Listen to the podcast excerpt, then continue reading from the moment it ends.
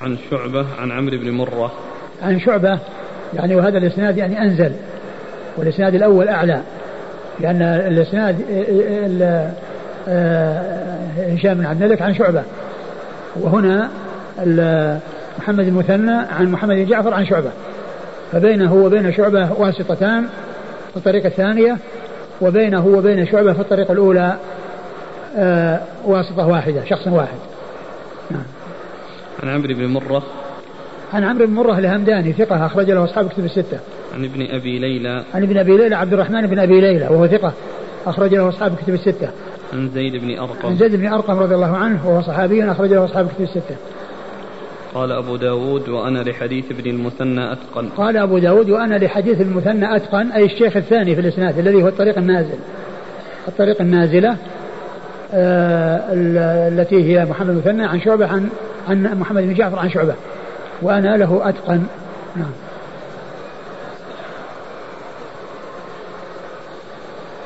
والله يعني يبدو أنه يدعو أقول يدعو للميت.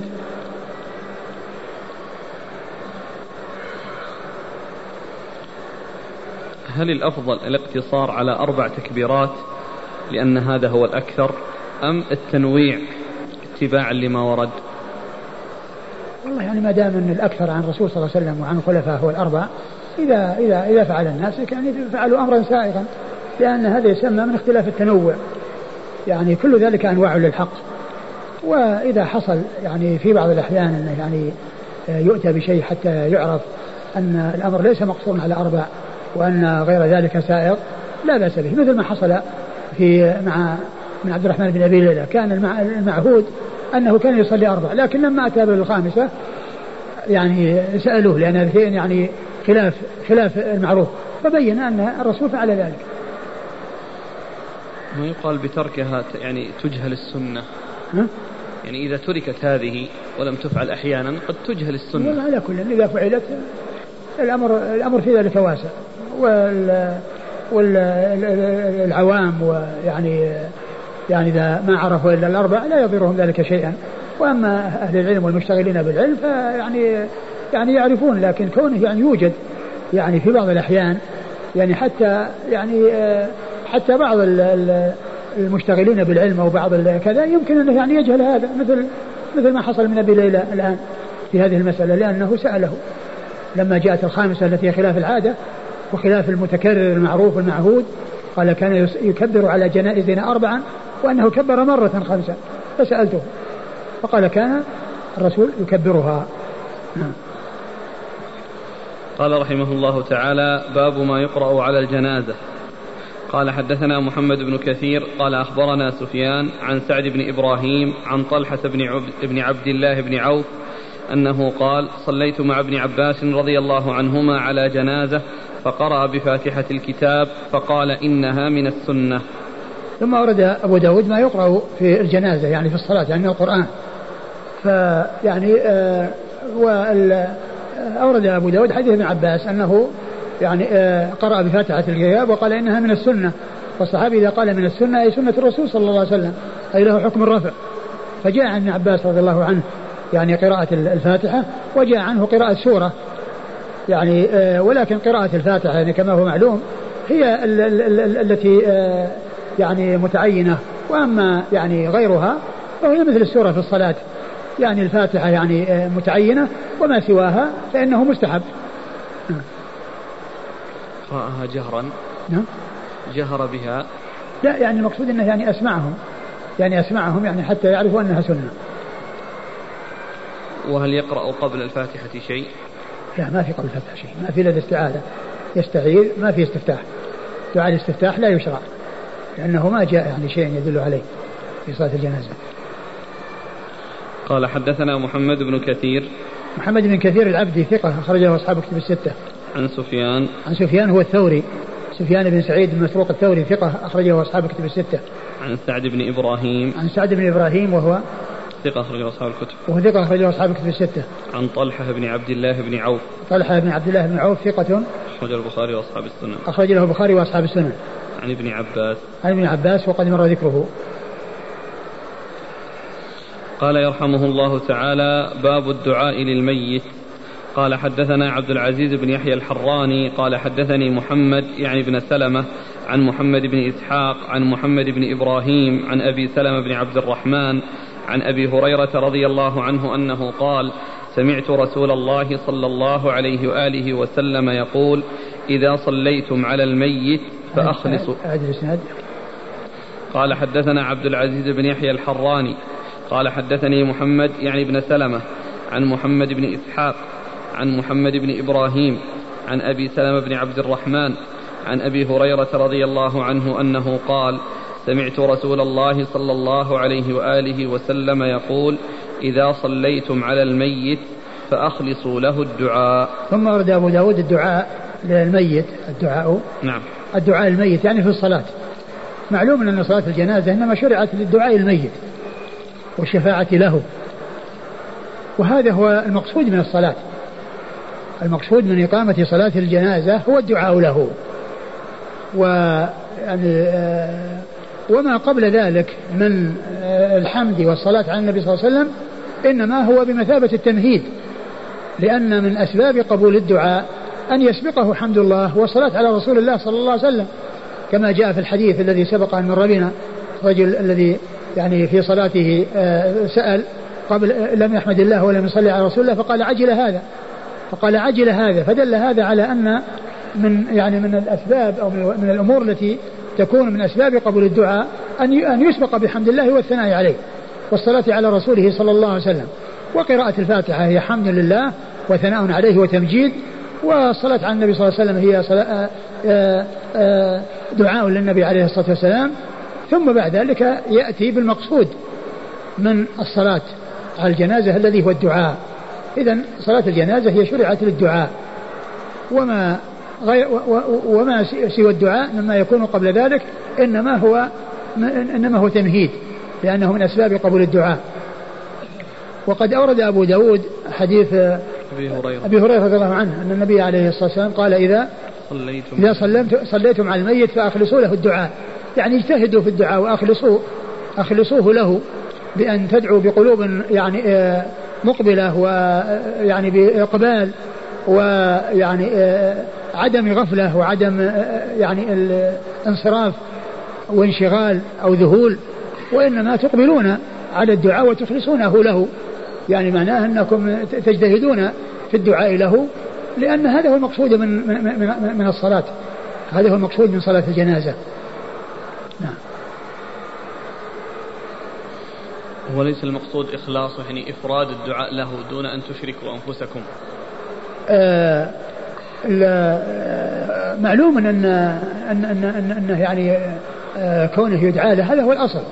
لكن آه يعني الشيء الذي يعني جاءت به السنة والشيء الذي يعني الذي فيه يعني الدعاء للحي يعني بعده.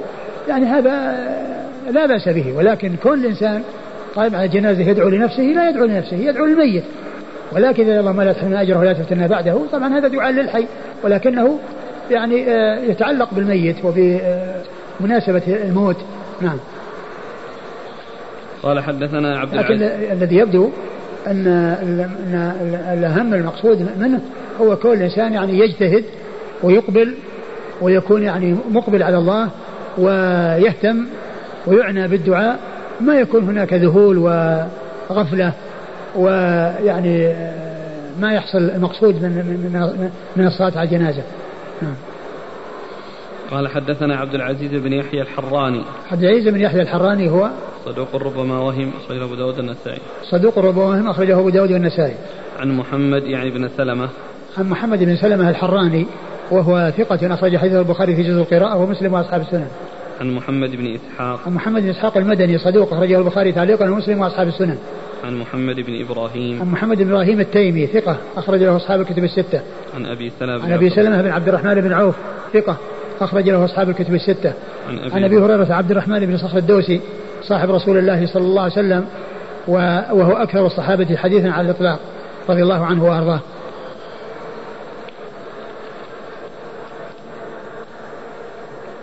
قال حدثنا أبو معمر عبد الله بن عمرو. قال حدثنا عبد الوارث. قال حدثنا أبو الجلاس عقبة بن سيار. قال حدثني علي بن شماخ. قال سمعت قال شهدت مروان. شهدت مروان سأل أبا هريرة رضي الله عنه. كيف سمعت رسول الله صلى الله عليه وآله وسلم يصلي على الجنازة؟ قال أمع الذي قلت؟ قال نعم. قال كان كلام كان بينهما قبل ذلك. قال أبو هريرة اللهم أنت رب أنت ربها وأنت خلقتها وأنت هديتها للإسلام وأنت قبضت روحها وأنت أعلم بسرها وعلانيتها جئناك شفعاء فاغفر له. ثم ورد أبو داود حديث أبي هريرة رضي الله تعالى عنه أن مروان بن الحكم سأله يعني كيف؟ كيف سمعت رسول الله صلى الله عليه وسلم يصلي على الجنازة؟ كيف سمعت رسول الله صلى الله عليه وسلم يصلي على الجنازة؟ يعني في الدعاء يعني كيف سمعته يصلي؟ يعني يدعو يعني يدعو لها في صلاة الجنازة. فقال إنه كان قال امعنا الذي قلت؟ وأشار إلى أنه كلام يشير إلى كلام سابق يعني بينهما. يعني جرى الحديث بينهما فيه قبل يعني هذا السؤال. فقال إنه يقول اللهم اللهم أنت ربها نعم. وأنت خلقتها وأنت هديتها للإسلام وأنت قبضت روحها وأنت أعلم بسرها وعلانيتها. جئناك شفعاء فاغفر له. وهذا يعني فيه ثناء على الله عز وجل قبل الدعاء. ومعلوم أن الثناء على الله عز وجل ويعني والتمهيد للدعاء بالثناء عليه وتعظيمه وتمجيده أن هذا أمر مطلوب. اللهم أنت ربها وأنت خلقتها وأنت تعلم سرها وعلانيتها وأنت هديتها الإسلام وأنت قبضتها. ف وأجئنا شفعاء يعني ندعو ندعوك يعني شفعاء يعني ندعوك لأن الشفاعة المقصود به الدعاء. وهذا وهذا منا شفاعة.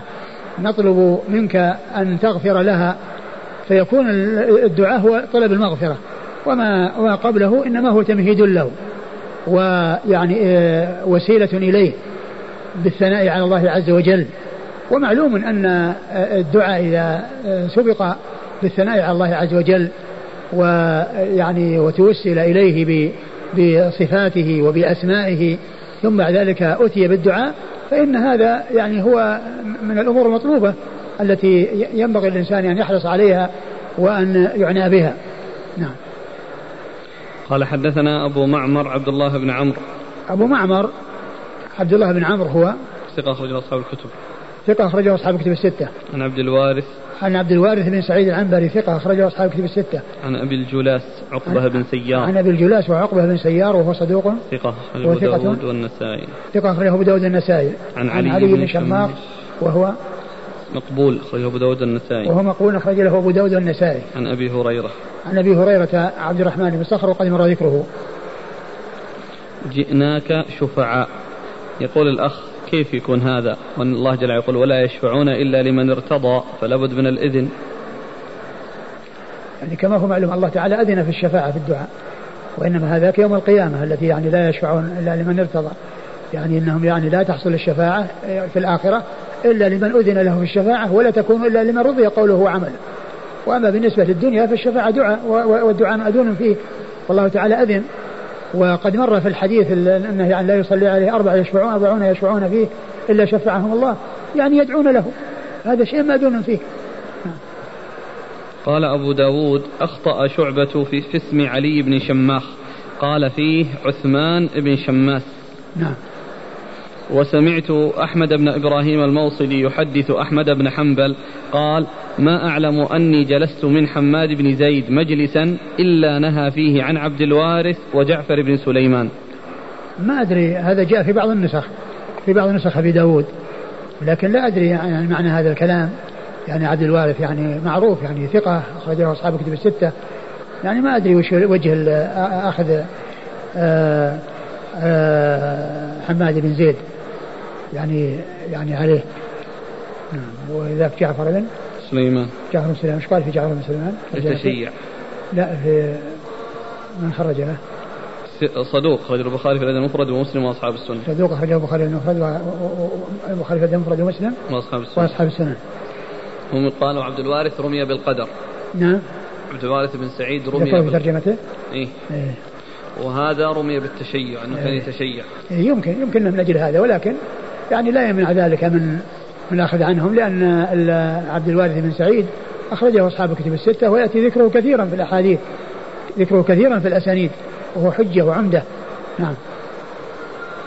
قال أبو داود أخطأ شعبة في اسم علي بن شماس قال فيه عثمان بن شماس وسمعت أحمد بن إبراهيم الموصلي. أحمد بن إبراهيم الموصلي ثقة أخرجه صدوق أخرجه أبو داود والنسائي. وابن ماجه وابن ماجه. في التفسير. وابن ماجه في التفسير. يحدث أحمد بن حنبل. أحمد بن حنبل أحمد بن محمد بن حنبل الشيباني الفقيه المحدث أحد أصحاب المذاهب الأربعة مذاهب أهل السنة وحديث أخرجها أصحاب الكتب الستة. قال ما أعلم أني جلست من حماد بن زيد. يعني أنه يعني أنه معنى أن هذا يتكرر منه يتكرر منه يعني ذكر عبد الوارث ويعني جعفر بن سليمان. قال حدثنا موسى بن مروان الرقي. قال حدثنا شعيب يعني بن إسحاق عن الأوزاعي عن يحيى بن أبي كثير عن أبي سلمة عن أبي هريرة رضي الله عنه أنه قال صلى رسول الله صلى الله عليه وآله وسلم على جنازة فقال اللهم اغفر لحينا وميتنا وصغيرنا وكبيرنا وذكرنا وأنثانا وشاهدنا وغائبنا. اللهم من أحييته منا فأحيه على الإيمان ومن توفيته منا فتوفه على الإسلام. اللهم لا تحرمنا أجره ولا تضلنا بعده. ثم ورد أبو داود حديث أبي هريرة أن النبي صلى الله عليه وسلم قال في دعائه في جنازة اللهم اغفر لحينا وميتنا وصغيرنا وكبيرنا وذكرنا وانثانا وشاهدنا وغائبنا. اللهم من أحييته فأحيه على الإيمان ومن توفيته فتوفى على الإسلام. آه اللهم لا تحرمنا أجره ولا تضلنا بعده. وهنا عند أبي داود قال يعني ذكر الاسلام ذكر الإيمان اولا ذكر الإسلام الإيمان اولا والإسلام اخرا. يعني قال آه اللهم احيته فاحيه على الايمان ومن توفيته فتوفه على الإسلام. والمعروف يعني في أكثر الروايات أنه بالعكس. اللهم توفيته محيته فاحيه على الإسلام ومن توفيته فتوفه على الإيمان. ومعلوم ان ان أن الإيمان والإسلام إذا ذكر أو اذا إذا يعني يعني آآ آآ آآ ذكر يعني يراد إذا انفرد أحدهما يشمل الآخر. وإذا انفرد وإذا إذا جمع بينهما الذكر يوزع المعنى بينهما كما في حديث جبريل. ومعلوم أن الإنسان في الحياة الدنيا كونه يعني آه يعني يحيا على الإسلام ويحيا على دين الإسلام ولكنه يعني عند الموت يكون على الإيمان الذي هو أكمل والذي هو يعني أكمل الإسلام لأن الإيمان آه، درجة أعلى من درجة الإسلام. لأن ال ال ال ال الإسلام يعني آه، آه، الإيمان يشمل الإسلام وزيادة لأن كل مؤمن هو مسلم وليس كل مسلم مؤمنا ولهذا جاء في القرآن والسنة أن في سورة الحجرات قالت الأعراب آمنا قل لم تؤمنوا ولكن قولوا أسلمنا ولما يدخل الإيمان في قلوبكم. وكذلك الحديث آه، سعد بن أبي وقاص الذي قال أعطى جماعة وفيهم رجل كنت أظنه يعني أولاهم فقلت يا رسول الله إنك أعطيت القوم وفيهم فلان وهو مؤمن. الرسول صلى الله عليه وسلم قال أو مسلم. أو مسلم يعني يلقنه. يعني أن يقول مسلم. لأن الإسلام هو هو المقدار الذي يشترك فيه الناس. كل من دخل في الإسلام يقال له مسلم. لكن ليس كل من دخل في الإسلام يقال له مؤمن لأن الإيمان شيء أكمل. الإيمان أكمل من الإيمان من الإسلام. الإيمان يعني شيء أكمل. ولهذا أهل السنة يعني مشهور عندهم أن الإنسان يستثني في الإيمان. فيقول أنا مؤمن إن شاء الله لأنها درجة كمال. ولكن إذا قيل مسلم يقول مسلم. هل أنت مسلم؟ نعم مسلم. ولكن إذا قيل أنت مؤمن يقول مؤمن إن شاء الله. لأنها درجة كمال. فإذا كونه يعني كما جاء في أكثر الروايات أن الإسلام يكون في حال الحياة والإيمان يكون عند الموت. نعم. عند في الوفاة توفيته وتوفاه على الإيمان. نعم. الضمائر تغير يعني حسب حال الميت. لا الذي يبدو أنه عام. هذا يدعى به لأي ميت. اللهم اغفر لحينا وميتنا وصغيرنا وكبيرنا هذا لفظ عام. ثم أيضا هذا يعني دعاء شامل. يعني دخل فيه الحي والميت والصغير والكبير والذكر والأنثى والشاهد والغائب. فهو دعاء للجنازة ولغير الجنازة. للمصلي والحاضر والغائب والصغير والكبير والذكر والأنثى. نعم. لكن هنا اللهم لا تحرمنا أجره. ولا نعم. تضلنا. يعني الميت يعني. اللهم لا تحرمنا أجره يعني الميت. ما يغير الضمير؟ ما هو لازم. أقول ما هو لازم. يعني لو كان وين, قال وين كانت امرأة وقال اللهم لا تحرمنا أجرها يعني ما في بأس. لكن ال ال ال إذا إذا بقي على ما هو عليه يراد به الميت. والميت يشمل الذكر والأنثى. أو الجنازة. والجنازة ذكر وأنثى.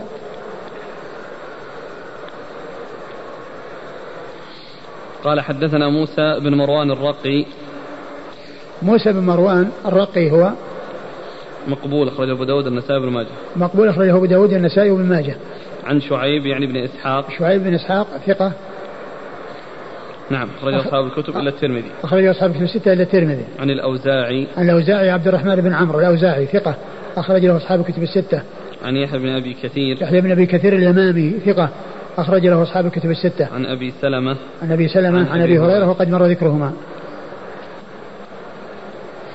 يقول الشيخ ذكر شيخ الإسلام ابن تيمية رحمه الله وجها في تقديم الإسلام أن الإسلام إذا ذكر مع الإيمان المراد به العمل وما دام الإنسان في الحياة عنده استطاعة على العمل.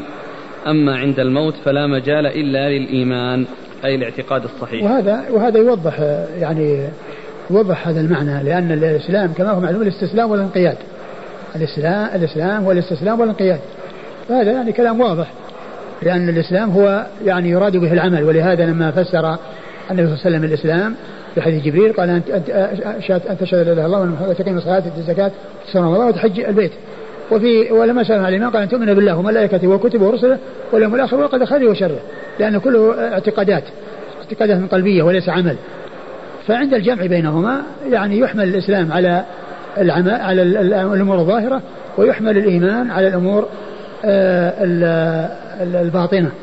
ومعلوم أن كما قال شيخ الإسلام آه، كلام واضح أن يعني الحياة فيها عمل والموت يعني آه، يعني يموت على الإيمان وعلى التصديق بهذه الأمور التي هي من أركان الإيمان.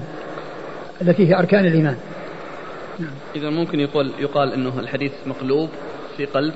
والله يمكن يمكن أن يقال أنه في قلب. والقلب يعني يأتي في بعض الأحاديث.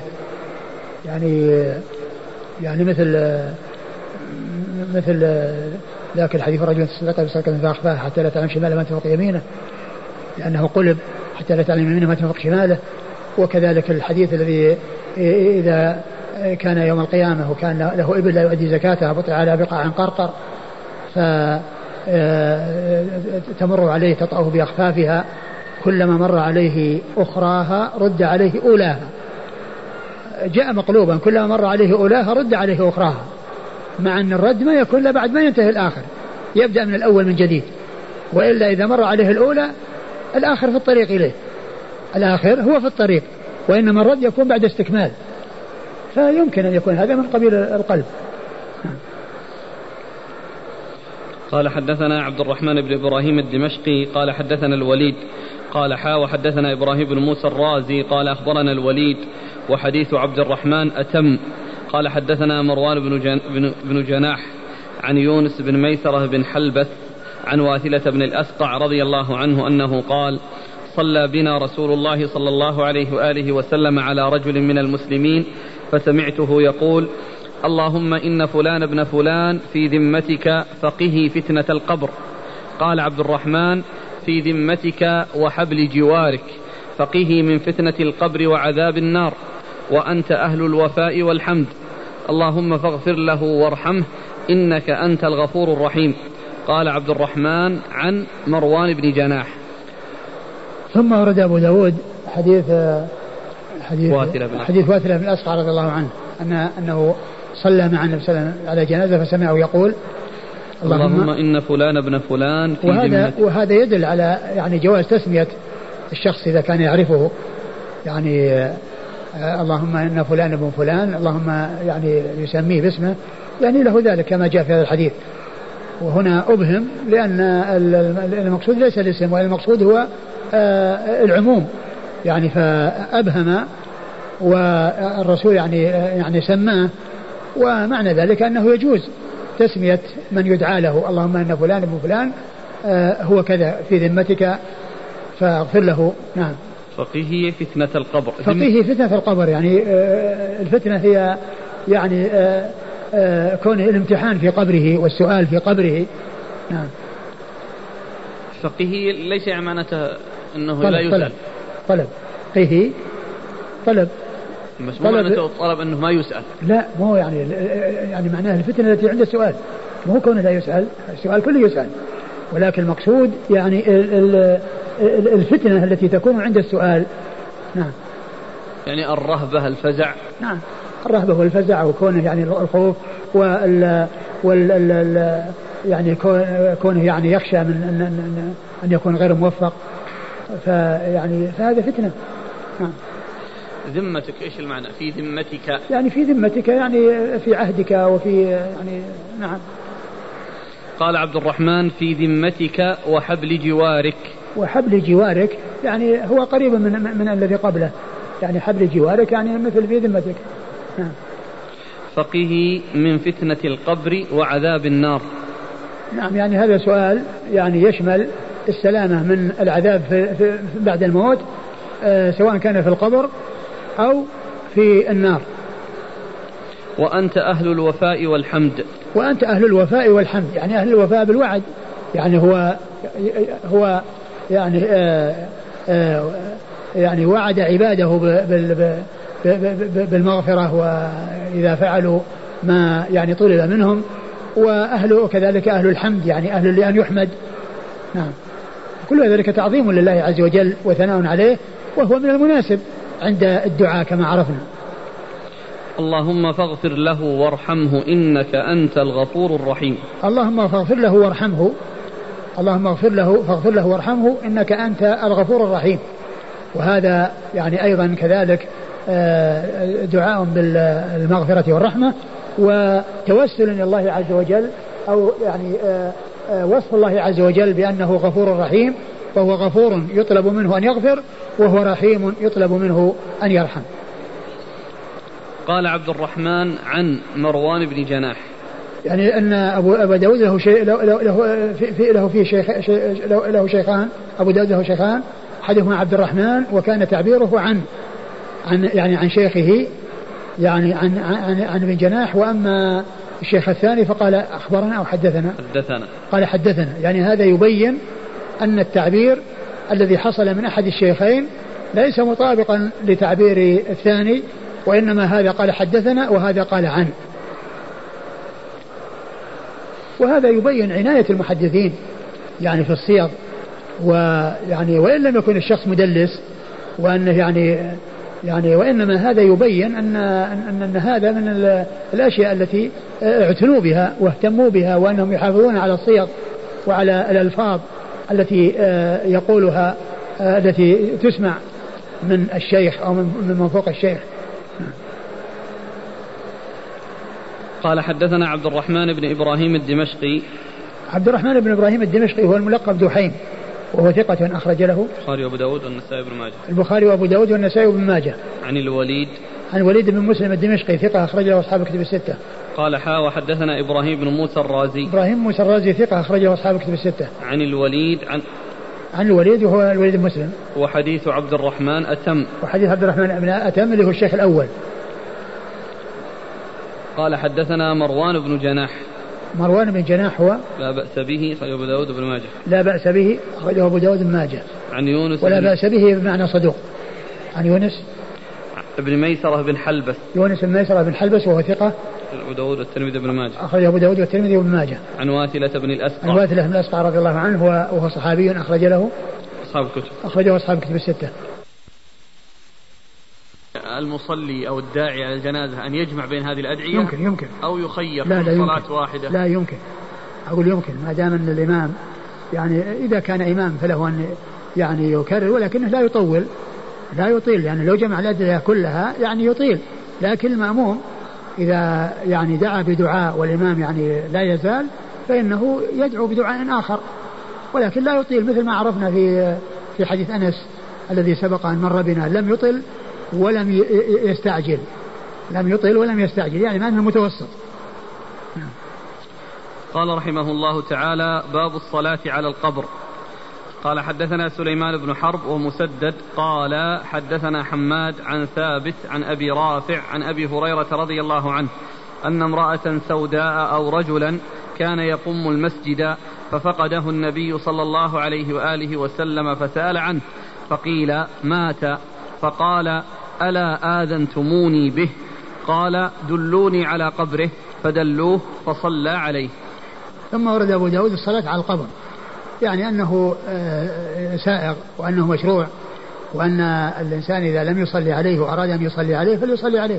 وقد سبق أن مر بنا الحديث الذي آه، فيه قبر يعني آه، يعني رطب وأنه صلى يعني مر بقبر رطب وأنه يعني صلى هو وأصحابه عليه. فذاك يدل على الصلاة على القبر وهذا أيضا يدل على الصلاة على القبر. والرسول صلى الله عليه وسلم كان يعني امرأة سوداء أو رجل وكان يقوم المسجد يعني ينظفه ويعني يكنسه ففقده. يعني ما رآه يعني على هذا العمل الذي كان يعرفه عنه فسأل فقيل إنه مات. فقال ألا أذنتموني؟ يعني ما أخبرتموني. ثم إنه قال دلوني على قبره فذهب وصلى عليه صلى الله عليه وسلم. وهذا يدلنا على آه، مشروعية الصلاة على القبر لمن لم يصلي. وأما من صلى فإنه لا يصلي يكفيه, يكفيه صلاته. المدة لها وقت ولا؟ والله ما يعني يعني إذا كان حديث عهد هذا ما فيه إشكال. وأما مع التطاول بعض العلم قال به لكن يعني إذا تطاول العهد يدعو له. أقول يدعو له وأما كونه يذهب يصلي عليه يعني يحتاج إلى يعني شيء يدل عليه.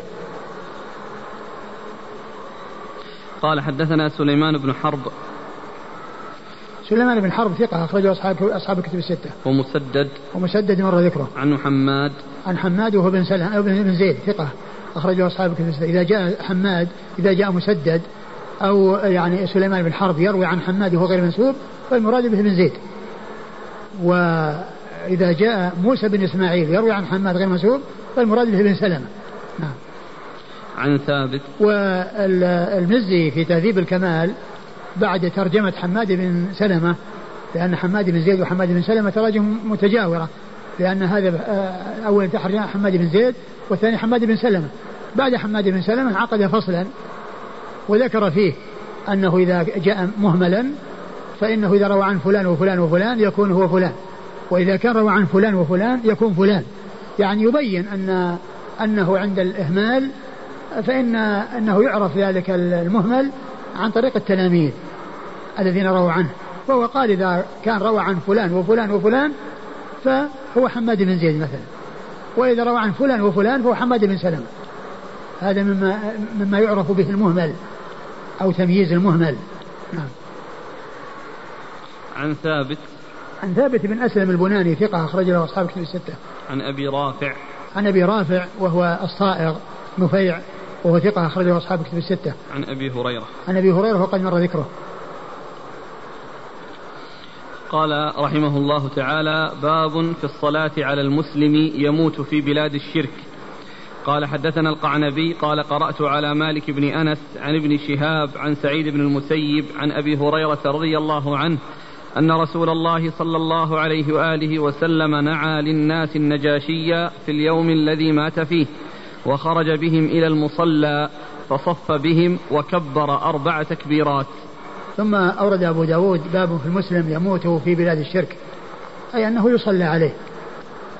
أنه يصلى عليه يعني آه، آه، يصلى عليه يعني صلاة الغائب يعني يصلي عليه المسلمون يعني صلاة الغائب كما فعل رسول الله صلى الله عليه وسلم من نجاشي. فإنه كما في حديث أبي هريرة هذا نعى النجاشي إليهم في اليوم الذي مات فيه أخبرهم بوفاته. في اليوم الذي مات فيه. أطلعه الله عز وجل على ذلك. أطلعه الله عز وجل على ذلك وأنه مات في نف... أخبرهم في نفس اليوم. وهذا من يعني من من علامات صدقه صلى الله عليه وسلم كونه يخبر عن شيء غائب يعني بعيد عنه. إنما ذلك يكون يعني بال بابلاغه بذلك. يعني لأن هذا ما يحصل. يعني في الزمن الماضي ما يحصل إلا عن طريق الركبان وعن طريق المسا... بعد مضي مدة طويلة يأتي الخبر بأن فلان مات أو, أو, أو فلان يعني حصل له كذا وكذا. وأما هذا الزمان يعني الخبر يصل الدنيا في لحظة يعني عندما بواسطة الاتصالات التي هيأها الله للناس في هذا الزمان. ولكن في زمنه صلى الله عليه وسلم الله تعالى أطلعه. وكان يعني هذا يعتبر من الأمور الغائبة وهو من الغيب الذي يعني أطلعه الله عز وجل عليه. صلوات الله وسلامه وبركاته عليه فنعاه وأخبرهم بوفاته وخرج بهم إلى المصلى وكبر عليه أربعا. وهذا يعني يدل على أن ال أن ال يدل على مشروعية صلاة الغائب والرسول صلى الله عليه وسلم صلى على النجاشي والحديث واضح الدلالة على ذلك. وليس هذا خاصا بالرسول صلى الله عليه وسلم أي الصلاة على ال على ال على ال على الغائب وإنما هو له ولأمته. ولهذا أمر الناس بأن يذهبوا وأن يصلوا معه فدل هذا على أن هذا ليس من خصائصه وبعض أهل العلم يقول أن هذا من خصائصه وأنه ليس للأمة أن تصلي على أحد غائب وأن الذي حصل للنجاشي إنما هو من خصائصه وقالوا إن الجنازة أحضرت له وشاهدها وعاينها والصحابة رضي الله عنهم ما طلعوا عليها ولكن هذا من الأمور التي لا تقال إلا بالدليل ولا تثبت إلا بنص. ولهذا ابن العربي المالكي ورأي المالكية أنهم يقولون أن الصلاة على الجنازة أنها من خصائص الرسول وأنه لا يصلى على غائب بعد رسول الله صلى الله عليه وسلم يقولون هذا من خصائصه. ويقولون أن أن أن أن آه، آه، آه، الجنازة أحضرت و يعني قال ان ان ما قال صلى عليه النبي صلى الله عليه وسلم قال قال ابن العربي وما وما فعله الرسول تفعله أمته. قالوا أحضرت له الجنازة. قلنا إن ربنا على ذلك لقادر وإن نبينا لأهل لذلك ولكن لا تقول إلا يعني ما جاء فيه نص وما جاء فيه دليل. الحاصل ان ان, أن هذا التعليل أو هذه الأشياء التي ذكروها تحتاج إلى نص. والرسول صلى الله عليه وسلم صلى بأصحابه فدل على أن الغائب يصلى عليه. وأنه ليس من خصائصه عليه الصلاة والسلام. ومن أهل العلم من قال إنه لا يصلى عليه إلا إذا لم يصلى عليه في البلد. ولم يأتي شيء يدل على أن النجاسه يصلي عليه أو لم يصلى عليه. لم يأتي شيء لا في هذا ولا في هذا. وبعض أهل العلم قال إنه يصلى أيضا صلاة الغائب على من له منزلة وله مكانة. لأن النجاشي له منزلة ومكانه وكونه لم يصلى عليه آه، آه، في بلده ما هناك يعني شيء يدل على إثباته ولا على نفيه. نعم إذا جاء شيء يدل على نفيه وأنه لم يصلى عليه وجاء النبي صلى الله عليه وسلم ما يدل على ذلك يمكن أن يقال إنه صلي عليه لأنه لم يصلى عليه. أما وإذا لم يأتي ما يدل عليه فإنه يكون يمكن أن يصلي عليه لعلو مكانته ومنزلته ويحتمل أن يكون قد صلي عليه. اللهم إلا أن يأتي نص على أنه لم يصلي عليه فعند ذلك يقال أن هذه تعويض عن تلك الصلاة التي ما حصلت له في بلده. نعم. أن رسول الله صلى الله عليه وآله وسلم نعى للناس النجاشية في اليوم الذي مات فيه. نعم. وخرج بهم إلى المصلى فصف بهم وكبر أربع تكبيرات. نعم وهذا يعني من الأدلة الكثيرة التي فيها أن التكبير أربع تكبيرات الذي جاء عن النبي صلى الله عليه وسلم أنه كبر أربع تكبيرات يعني جاء في أحاديث كثيرة نعم. قال حدثنا القعنبي. القعنبي عبد الله بن مسلمة ثقة أخرجه أصحاب الكتب الستة إلا ابن ماجه. قال قرأت على مالك بن أنس.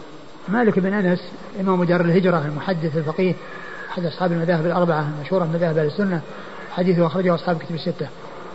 عن ابن شهاب. ابن شهاب محمد بن مسلم بن عبيد الله بن شهاب ثقة أخرجه أصحاب كتب الستة.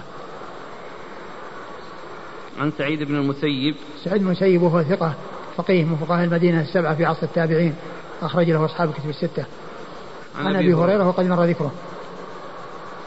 هنا أن رسول الله صلى الله عليه وسلم نعى. يعني النعي يعني أخبر أخبر به. أخبر بوفاته نعاه يعني أخبرهم بوفاته.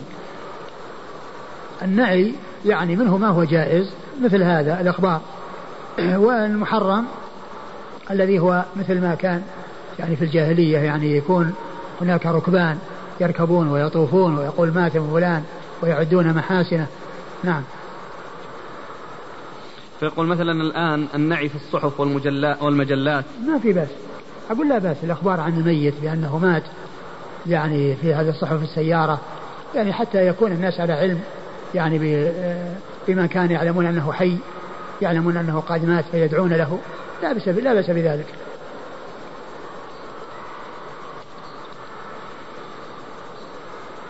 ترجحون شيئا في مسألة الصلاة على الغائب؟ والله الذي يبدو أنه لا بأس بذلك. مطلق يعني بدون مطلق يعني في من له منزل ومكانه ليس لكل أحد. فهذا مثلا يقول إذا أمر الإمام بالصلاة على الغائب على شخص لا تنطبق عليه الشروط هل لأحد من الناس أن يمتنع؟ والله كونه يصلي أقول كونه يصلي يعني آه الذي عليه أنه يصلي والذي ينبغي له أن يصلي ولا يتخلف. وهل الصلاة على الغائب مقيدة بالذي يموت في بلد الشرك؟ لا ليس بلازم.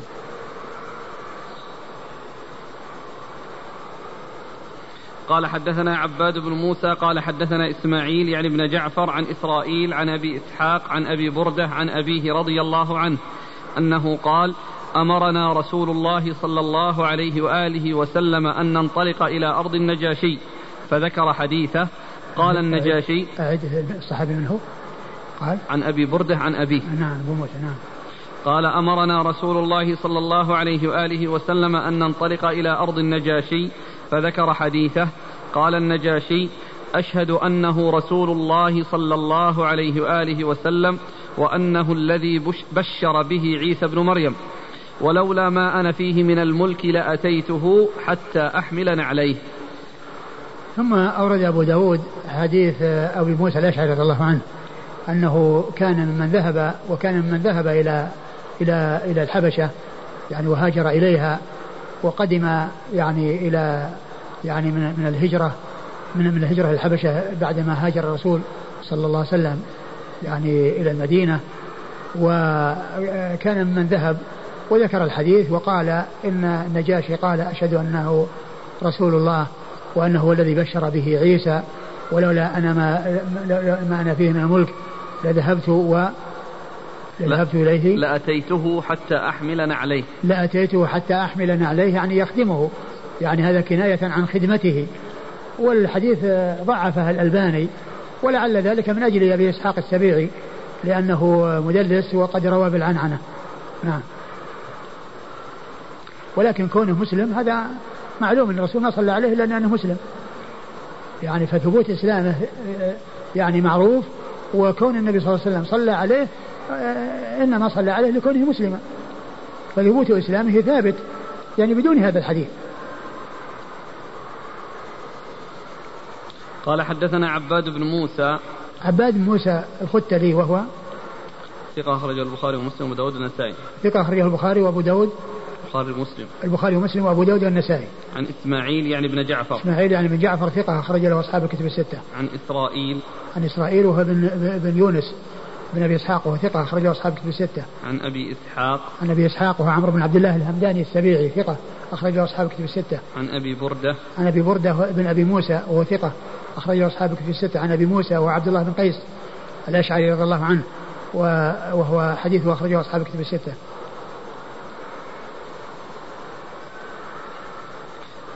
قال رحمه الله تعالى باب في جمع الموتى في قبر والقبر يعلم. قال حدثنا عبد الوهاب بن نجدة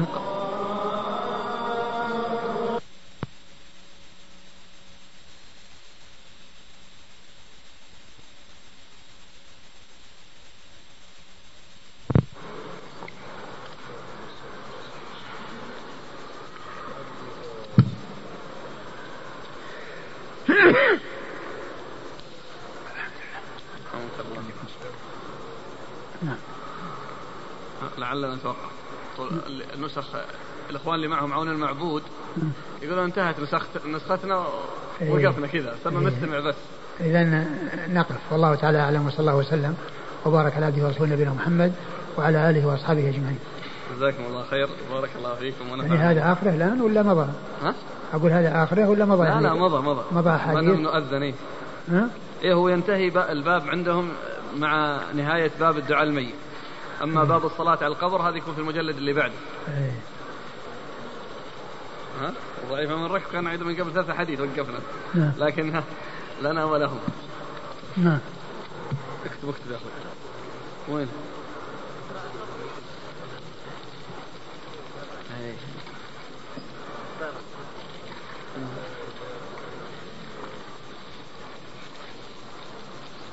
بالنسبة لقضية الخصوصية لعلكم اطلعتم على كلام الشيخ رحمة الله عليه الألباني. أيوه في إيه؟ صلاة النجاشي. آه.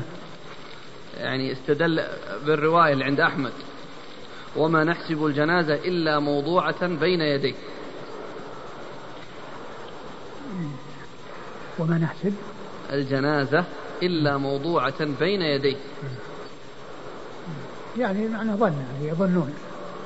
وما نحسب يعني ما نظن. والصحابة كان بعضهم في البلدان الأخرى عند وهو, وفاة وهو, وهو ثابت يعني. يقول. أخرجه أحمد وسندها صحيح. آه. إيه، يعني كان يعني في ظنهم وفي حسبانهم كذا. نعم. والصحابة كان بعضهم في البلدان الأخرى عند وفاة النبي صلى الله عليه وسلم فلم يثبت ولو عن صحابي واحد أنه صلى عليه النبي صلى الله عليه وسلم صلاة الغائب. هو كونه يعني وجد أو كونه وجد يعني آه، يعني كافي.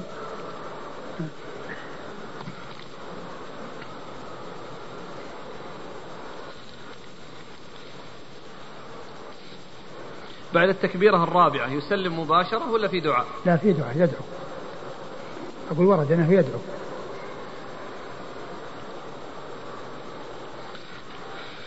يقول هذا سؤال ورد من الإخوة المسلمين المقيمين في كندا. السؤال الأول هل يجوز أخذ الجنسية الكندية لغرض استعمالها في أشياء تفيد المرء في دينه منها تسهيل الدخول إلى دول الخليج عموما والحصول على العمل فيها. وكذا تسهيل التنقل بالجواز الكندي لغرض التجارة. علما هذا دين هذا؟ ها؟ أقول هذا من أجل الدين ذا صار كونه يدخل الخليج ويروح يعني آه، ويحصل تجارة هذا غرض ديني ذا؟ هذا دنيوي.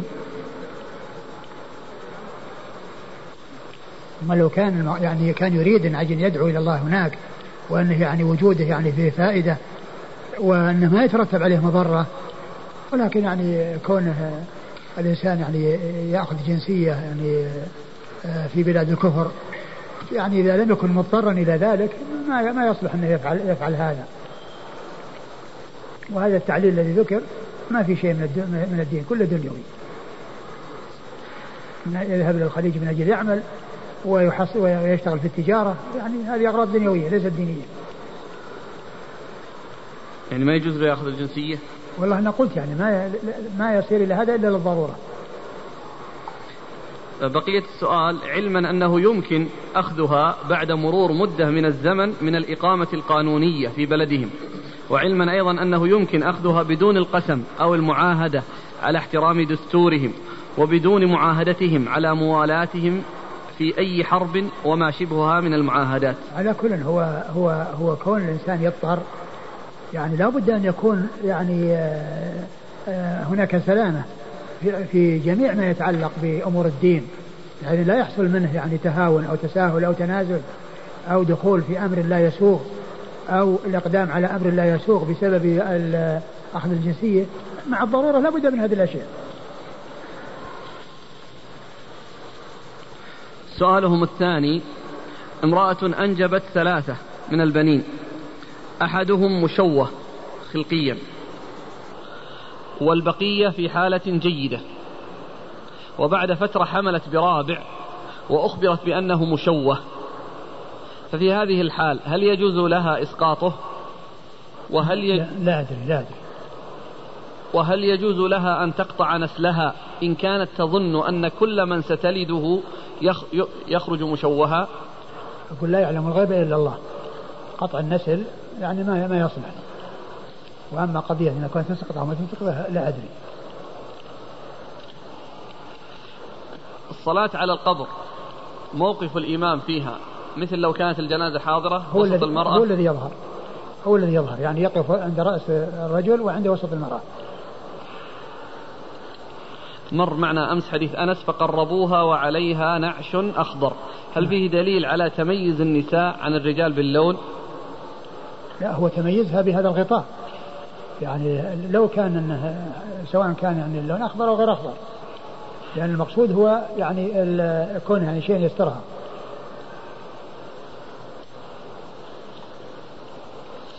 ما جاء في بعض الأحاديث وأبدله زوجا خيرا من زوجه واهلا خيرا من أهله. هل يقال ذلك في الأنثى؟ والله يعني الإنسان يعني يمكن يأتي به يعني بضمير بالضمير الذي جاء به. يعني آه، والمقصود بذلك الميت كما جاء ذلك عن الرسول صلى الله عليه وسلم بدون يعني ما يأتي بضمير الأنثى لأن المقصود به الجنازة أو الميت ويأتي به كما جاء عن النبي صلى الله عليه وسلم. ما صحة قول بعضهم أن الميت إذا كان من أهل الفضل والعلم يكبر عليه أكثر من أربع تكبيرات؟ والله ما ما نعلم شيء يدل على هذا. أقول ما نعلم شيء يدل على هذا قضية أنه أكثر من أربع إذا كان أنه من أهل الفضل. هنا.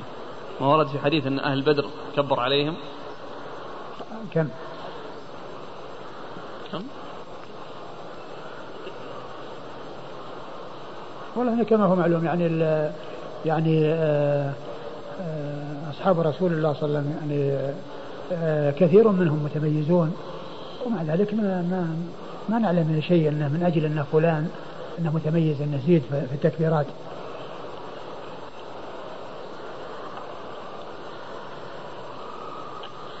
يقول روى ابن المنذر أيضا عن ابن مسعود عن علي أنه كبر أنه كان يكبر على أهل بدر ستة وعلى الصحابة خمسة وعلى سائر الناس أربعة. وعلى الصحابة؟ علي علي رضي الله عنه. إيه نعم كان يكبر. إيه. ما أدري يعني وش يعني هل هو ثابت هذا عنه؟ وإيش الأساس يعني في هذا التفريق؟ المسبوق بتكبيرة أو تكبيرتين في صلاة الجنازة. ماذا يعمل؟ كما قال عليه الصلاة والسلام ما أدركتم فصلوا وما فاتكم فأتموا. فهو عندما يسلم الإمام آه عندما يسلم الإمام يأتي بالتكبيرات التي بقيت عليه ويدعو بينها بدعاء قصير لأن الجنازة ترفع. لا يبقى أمامه جنازة يدعو لها وإنما يعني يكبر التكبيرات الباقية ويدعو بينها بدعاء قصير ويسلم. في حديث أبي هريرة مع مروان قال أمع الذي قلت؟ قال نعم. يقول ما فهمت لو تعيد الشرح. لا عبارة وراها عبارة وراها وضحتها كلام كان بينهما قيل ذلك هذا هو. كلام كان بينهما يعني أمع الذي قلت يعني الذي مضى. ما ندري إيش هو الكلام آه جاء في حديث ابن عباس أنه جهر بالفاتحة. وقال إنما جهرت لتعلموا أنها سنة كما عند النسائي. فهل فهل يشرع فعل هذا لتعليم الناس لمن لا يقرأ الفاتحة في صلاة الجنازة؟ طبعا يكون الإنسان يعني يجهر يعني في بعض مثل ما كان الرسول في صلاة في صلاة السرية يجهر في الآية حتى يخبرهم بالسورة وإن لم يجهر بالفاتحة كلها. كونه يعني يظهر منه يعني كلام آه، آه، كلمات يعني تكفي. مثل ما كان عليه الصلاة والسلام في صلاة السرية يسمعهم الآية ليعرفوا السورة التي كان يقرأ بها صلى الله عليه وسلم. جزاكم الله خيرا. بارك الله فيكم. ونفعنا الله بما قلت بسم الله الرحمن الرحيم. الحمد لله رب العالمين. والصلاة والسلام على عبد الله ورسوله نبينا محمد وعلى آله وصحبه أجمعين. أما بعد. قال الإمام أبو داود السجستاني يرحمه الله تعالى باب في جمع الموتى في قبر والقبر يعلم. قال حدثنا عبد الوهاب بن نجدة قال حدثنا سعيد بن سالم قال حا وحدثنا يحيى بن الفضل السجستاني قال حدثنا حاتم يعني بن إسماعيل بمعناه عن كثير بن زيد المدني عن المطلب أنه قال لما مات عثمان بن مضعون رضي الله عنه أخرج بجنازته فدفن فأمر النبي صلى الله عليه وآله وسلم رجلا أن يأتيه بحجر فلم يستطع حمله فقام إليها رسول الله صلى الله عليه وآله وسلم وحسر عن, عن ذراعيه. قال كثير قال المطلب قال الذي يخبرني ذلك عن رسول الله صلى الله عليه وآله وسلم. قال كأني أنظر إلى بياض ذراعي رسول الله صلى الله عليه وآله وسلم حين حسر عنهما ثم حملها فوضعها عند رأسه وقال أتعلم بها قبر أخي وأدفن إليه من مات من أهلي. بسم الله الرحمن الرحيم. الحمد لله رب العالمين وصلى الله وسلم وبارك على عبده ورسوله نبينا محمد وعلى آله وأصحابه أجمعين. أما بعد فيقول الإمام أبو داود السجستاني رحمه الله تعالى باب في دفن الموتى في قبر واحد. جمع. باب في جمع الموتى نعم. في قبر والقبر يعلم. آه هذه الترجمة تشتمل على شيئين. هو هي كون آه هما أن كون ال ال كون عند الحاجة يقبر الموتى في قبر واحد يعني الجمع. يعني يجمعون في قبر واحد وقد مر بنا حديث عديدة وأنه كان يسأل عن أكثرهم جمعا للقرآن فيقدمه.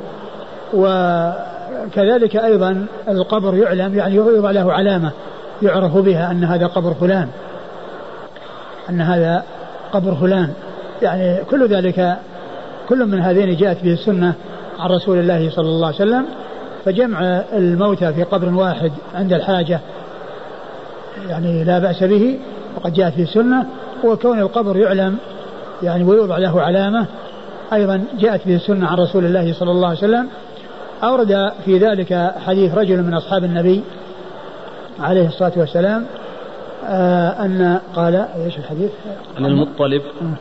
قال لما مات عثمان بن مضعون أخرج بجنازته فدفن. فأمر النبي صلى الله عليه وسلم رجلا أن يأتيه بحجر فلم يستطع حمله. لما آه، توفي لما توفي؟ نعم ما مات عثمان بن مضعون لما مات عثمان بن مضعون رضي الله عنه آه إيش؟ أخرج بجنازته فدفن. أخرج بجنازته فدفن فأمر النبي صلى الله عليه وسلم أن يؤتى بحجر فلم يستطع الرجل الذي يعني آه، أراد أن يحمل الحجر فجاء النبي عليه الصلاة والسلام وحسر عن ذراعيه وحمله ووضعه عند رأسه وقال أتعلم أو أعلم به قبر أخي؟ أدفن آه، عنده من مات من أهلي. فهذا يدل على على تعليم وضع علامة على القبر يعرف بها حجر أو غير ذلك. وفيه بيان الحكمة أو المقصود الذي من أجله صلى الله عليه وسلم جعل هذا الحجر وقال أدفن يعني عنده أدفن معه من مات من أهلي يعني وهو وهو يعني أخوه من الرضاعة. قيل الناس ما قيل فيه أنه أخوه من الرضاعة. فيدفن حوله من مات آه، من أهله. آه، إيش المعبود إيش قال في قضية قضية جمع الموتى؟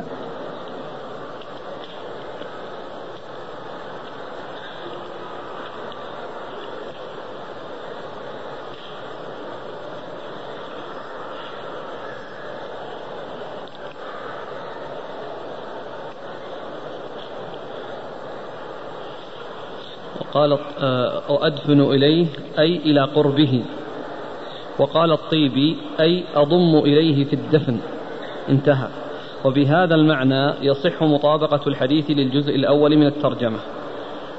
يعني هذا غير غير واضح. يعني قضية يعني كون يدفن يعني من يحفره ويجعل معه في القبر وإنما يعني يجعل يعني حوله ويجعل قريبا منه. لكن الأحاديث في الدفن أو جمع الموتى في قبر واحد يعني مع أنه لما كثر القتلى في معركة أحد ف يعني كان يجمعهم وقلت الثياب أيضا فكان الثوب الواحد الذي يكفي الواحد يقسم على اثنين أو على ثلاثة ثم يجعلون في قبر واحد ويسأل النبي صلى الله عليه وسلم عن أكثرهم جمعا للقرآن فيقدمه إلى جهة القبلة في في, في, في القبر. نعم. قال حدثنا عبد الوهاب بن نجدة. عبد الوهاب بن نجدة هو ثقة أخرجه أبو داود النسائي ثقة أخرجه أبو داود النسائي عن سعيد بن سالم. عن سعيد بن سالم وهو صدوق يهم أخرجه أبو داود النسائي صدوق يهم أخرجه أبو داود النسائي قال حا وحدثنا يحيى بن الفضل السجستاني. قال حا وحدثنا حا للتحول إلى إسناد آخر. يحيى بن الفضل السجستاني وهو مقبول أخرجه أبو داود. مقبول أخرج له أبو داود. عن حاتم يعني ابن إسماعيل. عن حاتم يعني ابن إسماعيل وهو صدوق أخرج له أصحاب كتب الستة يهم صدوق يهم أخرجه أصحاب الكتب الستة. بمعناه عن كثير بن زيد المدني. عن كثير بن زيد المدني وهو صدوق يخطئ. صدوق يخطئ أخرج له. خرج جزء القراءة وأبو داود البخاري في القراءة وأبو داود والترمذي بن ماجه. والترمذي بن ماجه. عن المطلب. عن المطلب بن عبد الله بن حنطب وهو صدوق صحيح البخاري في جزء القراءة وأصحاب السنن. وهو صدوق أخرجه البخاري في جزء القراءة وأصحاب السنن. عمن أخبره عن النبي عمن أخبره يعني آه عن آه عمن أخبره من أصحاب رسول الله صلى الله عليه وسلم الذي شهد ذلك وهو غير يعني مسمى وغير معين. ومعلوم أن جهالة الصحابة لا تؤثر لأن المعلوم فيهم لأن المجهول فيهم في حكم معلوم لأنهم كلهم عدول في تعديل الله عز وجل وتعديل رسوله صلى الله عليه وسلم. الحجر يذكر ويؤنث. لأن الضمير فلم يستطع حمله فقام إليها. فقام إليها؟ إيه؟ فلم يستطع حمله؟ نعم. فقام إليها؟ ف... نعم. فقام يعني إليها رسول الله صلى يمكن بمعنى الصخرة. يعني الضمير التأنيث معنى الصخرة. والحجر معنى المذكر. عثمان بن مضعون هو أول من مات ودفن في البقيع. ما أدري. أول من مات من دفن في البقيع؟ ما ما أدري. هل يجوز أن يوضع فوق القبر شاهد ويكتب عليه اسم الميت فلان بن فلان؟ لا. الأسماء لا تكتب ولكن كونه يكتب يعني كونه يوضع حجر أو يعني علامة يتعرف بها على القبر هذا دل عليه الحديث. وأما الكتابة فلا, فلا يجوز لأنها لم تأتي.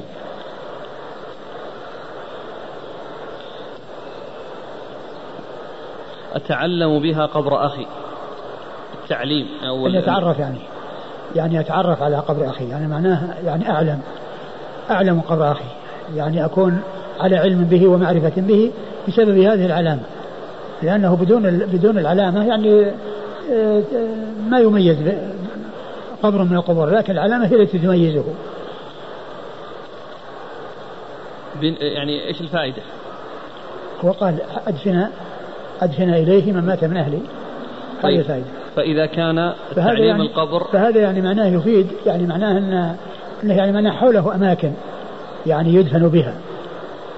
لكن قوله قول الطيبي الذي ذكره صاحب المعبود إنه يعني يضيف إليه في القبر يعني هذا ليس بواضح يعني يكون القبر ينبش ثم يدفن يعني معه شخص آخر ولكن يعني إذا عرف يعني وهذا يكون يدفن حوله ليس معه في القبر. لكن تعليم القبر لأجل معرفة هذا الشخص معرفة القبر نعم معرفة صاحب القبر بس. بس الإتيان الفائدة يعني الحكمة لو أن إنسان وضع علامة يقول لأجل أن آتي وأدعو له. لا بأس لا بأس بذلك لو لو عرفه عشان يدعو من أجل أن يدعو له لا بأس بذلك. لأن هنا الأخ يقول لكن التعليل هنا يعني قال يعني ادفن إليه من مات من, من مات من أهله. يعني معناه إنه يعني يكون يعني معناه كأنهم يسيرون يعني حول بعض اللي هم الأقارب. نعم. هنا الأخ يقول هل هناك فعل مخصوص يترتب على معرفة قبر من القبور بوضع إشارة عليه؟ هل هناك فعل؟ نعم فعل مخصوص صخرة يترتب يترتب لا. يعني وضع صخرة يعني معروفة يعرف الإنسان شكلها ولونها. بدون ما يكتب عليها يعرف أن هذه الصخرة هي قبر آه، أبيه أو أمه أو أخيه أو أخته. هو سؤاله عن يقول ما هو الفعل؟ يعني إذا أنا عرفت وعلمت قبر فلان. هل هناك فعل معين سأفعله لأنني علمت؟ هو الح... ال... ال... الذي في الحديث قال أنه من أجل يدفن إليه من مات من أهله. هذا الذي جاء في الحديث. لكن كونه أيضا يعرفه من أجل أنه يأتي ويدعو له لا بأس بذلك.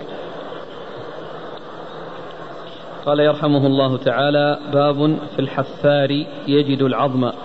هل يتنكب ذلك المكان؟ قال حدثنا القعنبي قال حدثنا عبد العزيز بن محمد عن سعد يعني بن سعيد عن عمرة بنت عبد الرحمن عن عائشة رضي الله عنها أن رسول الله صلى الله عليه وآله وسلم قال كسر عظم الميت ككسره حيا. ثم ورد أبو داود باب في الحفار يجد العظم آه، هل يعني يتنحى عنه؟ يعني بمعنى أنه آه، هل يتنحى عنه إيش؟ كمل باب في الحفار يجد العظم هل يتنكب ذلك المكان؟ هل يتنكب ذلك المكان؟ يعني معناه أنه يترك المكان ويعني ويأتي ويحفر في مكان آخر ويحفر في مكان آخر. يعني ليس فيه يعني الميت آه الذي يظهر أنه فيه تفصيل وهو أنه إذا كان الميت يعني موجود فإنه يترك ذلك المكان ويذهب إلى مكان آخر. وأما إن كان القبر ما فيه إلا عظم فإنه يعني لا يكسره ولكنه ينحيه على على على على جانب من من جوانبه ويدفن فيه ميت آخر.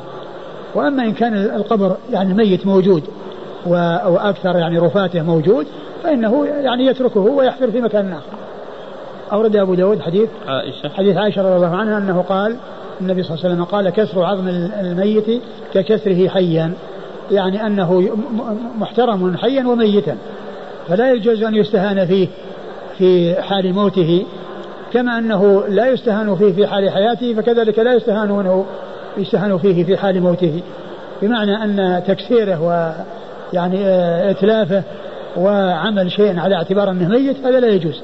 لأن هذا لا يجوز أن يعمل مع الحي ولا يجوز أن يعمل مع الميت. وكسره يعني آه، حيا كسره ميتا ككسره حيا. نعم. قال حدثنا القعنبي. القعنبي عبد الله بن مسلمة القعنبي ثقة أخرج أصحاب الكتب الستة إلى ابن ماجه. عن عبد العزيز بن محمد. عبد العزيز بن محمد الدراوردي صدوق أخرج له أصحاب الكتب الستة. عن سعد يعني بن سعيد. عن سعد يعني بن سعيد وهو صدوق سيء الحفظ. صدوق سيء الحفظ أخرج له. البخاري تعليقا ومسلم وأصحاب السنن. البخاري تعليقا ومسلم وأصحاب السنن. عن عمرة بنت عبد الرحمن. عن عمرة بنت عبد الرحمن الأنصارية وهي, وهي ثقة أخرج لها أصحاب الكتب الستة. عن عائشة أم المؤمنين رضي الله عنها وأرضاها الصديقة بنت الصديق وهي واحدة من سبعة أشخاص عرفوا بكثرة الحديث عن النبي صلى الله عليه وسلم. كسر عظم الميت. الأخ يقول خاص بالمسلم أو بالكافر حتى الكافر. الميت. آه آه معلوم أن, أن, أن هذا بالنسبة للمسلم وأما الكافر فكونه يكسر يعني لا, لا بأس بذلك. كافر يعني كما هو معلوم يعني ليس محترما وليس له احترام ومآله إلى النار. نعم. وهل في كسر عظم الميت قصاص؟ قصاص؟ لا ما في قصاص. لكن الإنسان يأثم. قال رحمه الله تعالى باب في اللحد. قال حدثنا إسحاق بن إسماعيل قال حدثنا حكام بن سلم عن علي بن عبد الأعلى عن أبيه عن سعيد بن جبير عن ابن عباس رضي الله عنهما أنه قال قال رسول الله صلى الله عليه وآله وسلم اللحد لنا والشق لغيرنا. ثم ورد أبو داود هذه الترجمة في اللحد باب في اللحد. واللحد هو الشق الذي يكون في جانب القبر من جهة القبلة. يكون مائلا عن سبت القبر بحيث يقف الذين في القبر يعني على على على الجهة المفتوحة إلى الأعلى ثم يدخلونه في الجهة الأمامية التي هي اللحد. وقيل له لحد لأنه فيه ميل وهو مأخوذ من الميل. والميل وهو مائل عن سمت القبر. مائل عن سمت القبر. هذا هو اللحد. والرسول صلى الله عليه وسلم لحد له ويعني نصب عليه اللبن نصبا. و والشق هو أن يشق يعني في وسط القبر شق بحيث يوضع فيه الميت ثم يوضع اللبن وضعا عليه. يوضع وضعا عليه يعني على أطرافه يعني والوسط يكون فيه الميت. فاللحد ينصب ينصب اللبن نصبا يكون واقف بميلان وأما الشق فإن اللبن يكون عليه موضوع وضعا يعني بحيث على أطرافه من جهة من جهة من الجهتين. والميت في الوسط تحت هذا. هذا يقال له الشق. واللحد أفضل من الشق. يعني كل من ذلك كل منهما جائز وقد أجمع العلماء على جواز الشق وعلى جواز اللحد لكن اللحد أفضل. و, و وإذا كانت الأرض إذا كانت الأرض صلبة فإن اللحد يكون أفضل. وأما إن كانت رخوة بحيث إذا حفروا ينهال. كل ما يحفرون من جهة هذا يسقط عليهم اللي فوق. يسقط عليهم اللي فوق يعني ما يبقى متعلق لأن الأرض رخوة. فهذا يكون فيه الشق لأن الشق يعني ما يبقى شيء معلق لأن يأخذون كل ما كل ما أمامهم. وأما اللحد فإنه يحفر إلى جهة القبلة فيبقى معلقا. يعني الذي الذي الذي فوق الميت. هذا إذا كانت صلبة الأرض. وأما إن كانت رخوة ما ما ما يتمكن من وجود من وجوده لأن الرمل ينهال ينهال. فكل منهما سائق ولكن اللحد أفضل. وقد أورد أبو داود رحمه الله حديث ابن عباس أن النبي صلى الله عليه وسلم قال اللحد لنا والشق لغيرنا. يعني الشق لغيرنا يعني يعني هو لأهل الكتاب. ولكنه آه، سائغ ولكن ال ال ال الأفضل هو اللحد وليس الشق. نعم. لعل الحكمة تعبدية ولا في شيء ظاهر؟ نعم. لعل أقول الحكمة تعبدية هو في شيء ظاهر. والله هو يعني. هو من ناحية من ناحية أن الرسول يعني أخبر بأنه لنا و وله فائدة وهو أنها آه، أنه كما هو معلوم إذا كان صلب. وما إذا كان هو صلب ما ما يمكن يصير اللحد موجود. إذا كان الرمل ينهار يسقط ما يبقى لحد ما يمكن يصير لحد لأنه يعني يحفرون لتحت ويبقى معلق والرمل يعني لا يتعلق يسقط. السؤال يعني التفضيل هل للتفضيل حكمة؟ حكمة والله يعني على الشق كون الرسول قال إنه لنا وكون, وكون الرسول يعني آه، لحد ووضع في لحد لا شك أن كونه قال إنه لنا واللحد والشق لغيرنا يدل على التفضيل لا شك. واضح. التفضيل واضح. ناحية أن هذا وهو وأنه الذي فعل برسول الله ولهذا سعد بن أبي وقاص أوصى بأنه يلحد لحدا وينصب عليه اللبن نصبا كما فعل برسول الله صلى الله عليه وسلم. قال حدثنا إسحاق بن إسماعيل. إسحاق بن إسماعيل الطالقاني وهو ثقة أخرجه أبو داود. ثقة أخرجه أبو داود. عن حكام بن سلم. عن حكام بن سلم وهو ثقة له غرائب أخرجه البخاري تعليقا ومسلم وأصحاب السنن ثقة له غرائب أخرجه البخاري تعليقا ومسلم وأصحاب السنن عن علي بن عبد الأعلى. عن علي بن عبد الأعلى وهو صدوق ربما وهم صدوق ربما وهم أخرج له أصحاب السنن. أصحاب السنن. عن أبيه. عن أبيه وهو صدوق يهم صدوق يهم أخرج له أصحاب السنن. عن سعيد بن جبير. عن سعيد بن جبير وهو ثقة أخرج له أصحاب الكتب الستة. عن ابن عباس. ابن عباس عبد الله بن عباس بن عبد المطلب ابن عم النبي صلى الله عليه وسلم. وأحد العباد له الأربعة من الصحابة وأحد السبعة المعروفين بكثرة الحديث عن النبي صلى الله عليه وسلم.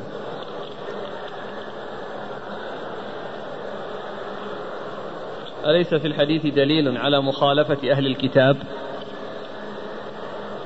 آه، آه، أخبر الرسول صلى الله عليه وسلم بأن الشق اللحظة لغيرنا وأنه الشق لغيرنا ولكن أجمع العلماء على أن كل منهما جائز. فدل هذا على أن, أن أنه ليس مما يخالف فيه أهل الكتاب. نعم. قال رحمه الله تعالى باب كم يدخل القبر؟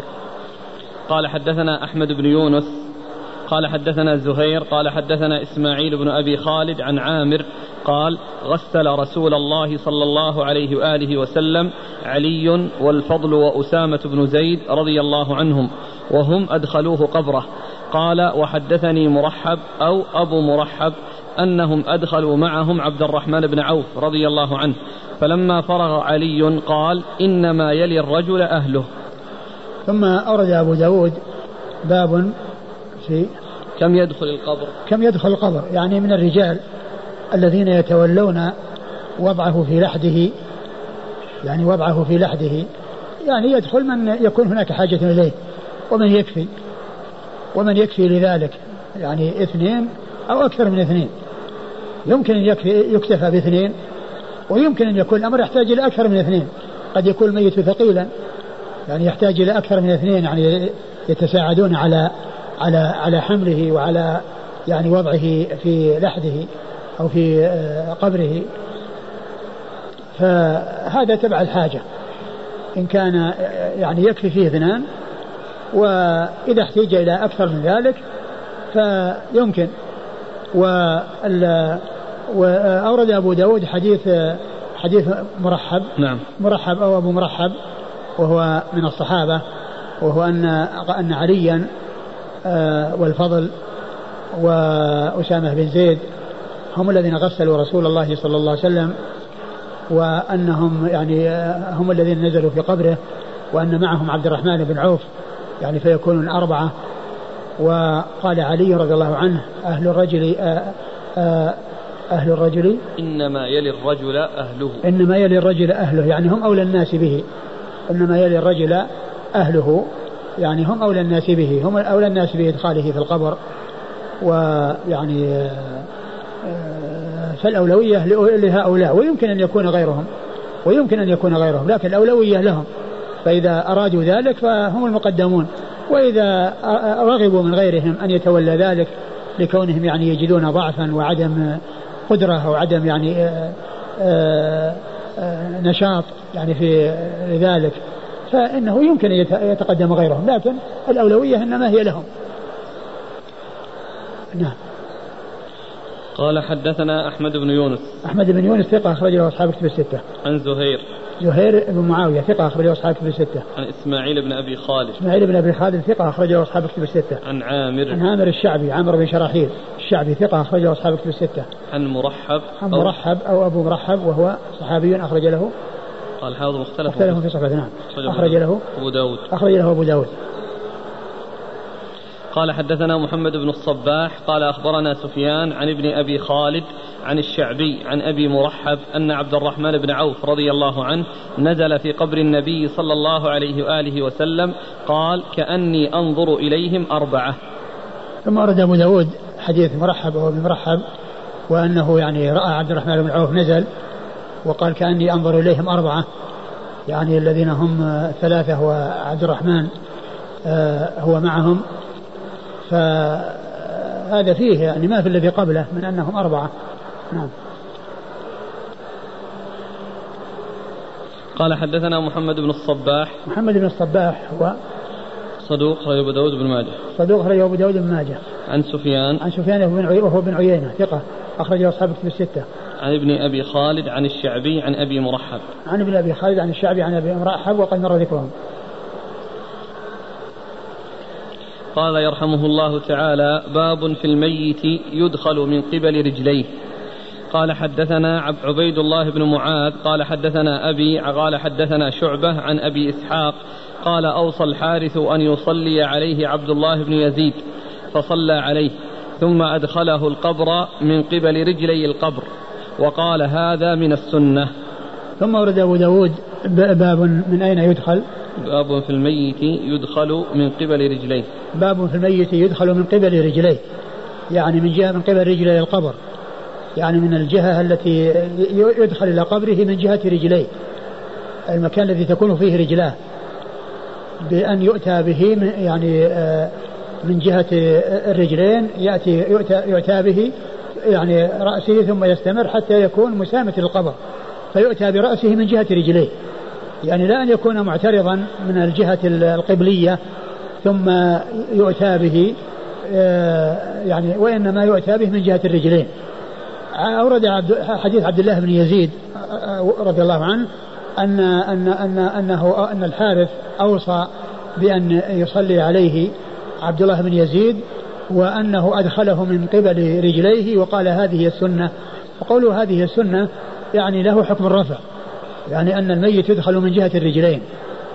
يعني رجلي القبر الذي يكون فيه إذا وضع في قبره يعني من من من, من الجهة التي يكون فيها رجلاه.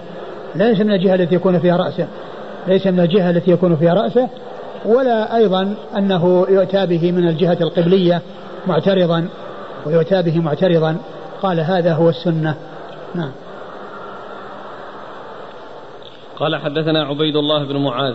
عبيد الله بن معاذ ثقة أخرج حديث البخاري ومسلم وأبو داود. والنسائي. والنسائي. عن أبيه عن أبيه معاذ بن معاذ العنبري ثقة أخرج له أصحاب كتب الستة. عن شعبة. عن شعبة بن الحجاج الواسطي ثقة أخرج له أصحاب كتب الستة. عن أبي إسحاق. عن أبي إسحاق وهو السبيعي. عمرو بن عبد الله الهمداني السبيعي وهو ثقة أخرج له أصحاب كتب الستة. عبد الله بن يزيد. عن عبد الله بن يزيد وهو صحابي أخرج له. صحابي صغير أخرج له. أصحاب الكتب. أخرج له أصحاب الكتب الستة. فيه مناسبة أبي إسحاق. مر في الدرس الماضي حديث ابن عباس آه، الذي في أول الدرس الماضي مر بن أبو إسحاق. هو الشيباني. أبو إسحاق سليمان بن أبي سليمان الشيباني كما في تحفة الأشراف. فإنه ذكره الشيباني وهو ثقة أخرجه أصحاب كتب الستة. وأما الذي معنا هنا هو أبو إسحاق السبيعي. أبو إسحاق السبيعي.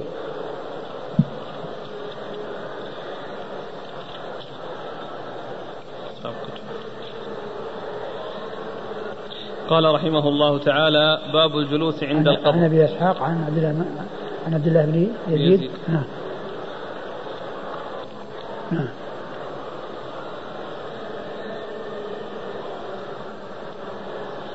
باب الجلوس. باب الجلوس عند القبر. قال حدثنا عثمان بن أبي شيبة قال حدثنا جرير عن الأعمش عن المنهال بن عمرو عن زاذان عن البراء بن عازب رضي الله عنهما أنه قال خرجنا مع رسول الله صلى الله عليه وآله وسلم في جنازة رجل من الأنصار فانتهينا إلى القبر ولم يلحد بعد. فجلس النبي صلى الله عليه وآله وسلم مستقبل القبلة وجلسنا معه. ثم أورد أبو داود باب في الجلوس عند القبر. الجلوس عند القبر يعني قبل قبل أن يدفن يعني عندما يذهب للجنازة فللإنسان أن يجلس على الأرض. للإنسان أن يجلس على الأرض وقد مر بنا أنها أن من يذهب معها لا يجلس حتى توضع حتى توضع في الأرض. وأنه جاء في بعض الروايات حتى توضع في اللحد. وأنهم يقفون حتى توضع لكن الرواية الصحيحة هي رواية حتى توضع في الأرض. فمن أراد أن يجلس يجلس. ومن أراد أن يقف فله أن يقف. ولكن الجلوس إنما هو عندما توضع على الأرض. يعني لا يجلس الإنسان قبل أن قبل أن توضع وإنما يعني بعد وضعها في الأرض. ف آه، أورد أبو داود رحمه الله حديث البراء بن عازب وهو حديث طويل يعني مشهور فيه ما يجري في القبر وكان الرسول صلى الله عليه وسلم جاء والقبر لم يلحد يعني معناه أنهم يحفرون لحده فاحتاج الأمر إلى أن يجلسوا. فجلس وجلسوا حوله. وجلس مستقبل القبلة وجلسوا حوله. ثم ذكرهم وأخبرهم بما يجري الإنسان في قبره وهو حديث طويل. ولكنه هنا أبو داود رحمه الله أورد منه آه، ما يتعلق بالترجمه وهي الجلوس عند القبر. فجلس مستقبل القبلة وجلسوا حوله. فدل هذا على ان أنه يجلس وسواء حتى ولو كان إن القبر لم يلحد جائز. لو كان القبر يعني قد يلحد وإنما الإنسان أراد أن يجلس حتى ينتهى من دفنه لا بأس بذلك. ما دام أنه قد وضع على الأرض كما سبق أن مر في الأحاديث أو في بعض الأحاديث السابقة. آه، آه، ففيه الجلوس والرسول صلى الله عليه وسلم جلس مستقبل القبلة. جلس مستقبل القبلة وجلسوا حوله ومعلوم أنهم جلسوا غير مستقبلين القبلة يعني كانوا محيطين به. عليه الصلاة والسلام وهو قد وعظهم وذكرهم في تلك المناسبة أو في ذلك الوقت الذي كانوا جالسين من أجل آه، انتظار يعني حفر اللحد في القبر. نعم. قال حدثنا عثمان بن أبي شيبة. عثمان بن أبي شيبة ثقة أخرج له أصحاب كتب الستة إلا الترمذي وإلا النسائي وقد أخرج له في عمل اليوم والليله. عن جرير. عن جرير بن عبد الحميد الضبي الكوفي ثقة أخرج له أصحاب كتب الستة. عن الأعمش. عن الأعمش سليمان بن مهران الكاهلي الكوفي ثقة أخرج له أصحاب كتب الستة. عن المنهال بن عمرو. عن المنهال بن عمرو وهو ثقة أخرجه البخاري وأصحاب السنن. ربما وهم. صدوق. ربما وهم. صدوق ربما وهم أخرجه البخاري وأصحاب السنن. عن زاذان. عن زاذان وهو صدوق أخرج البخاري في المفرد ومسلم وأصحاب السنن. صدوق أخرجه البخاري في المفرد ومسلم وأصحاب السنن. عن البراء بن عازب. عن البراء بن عازب رضي الله تعالى عنهما وهو صحابي ابن صحابي وحديثه أخرجه أصحاب كتب الستة.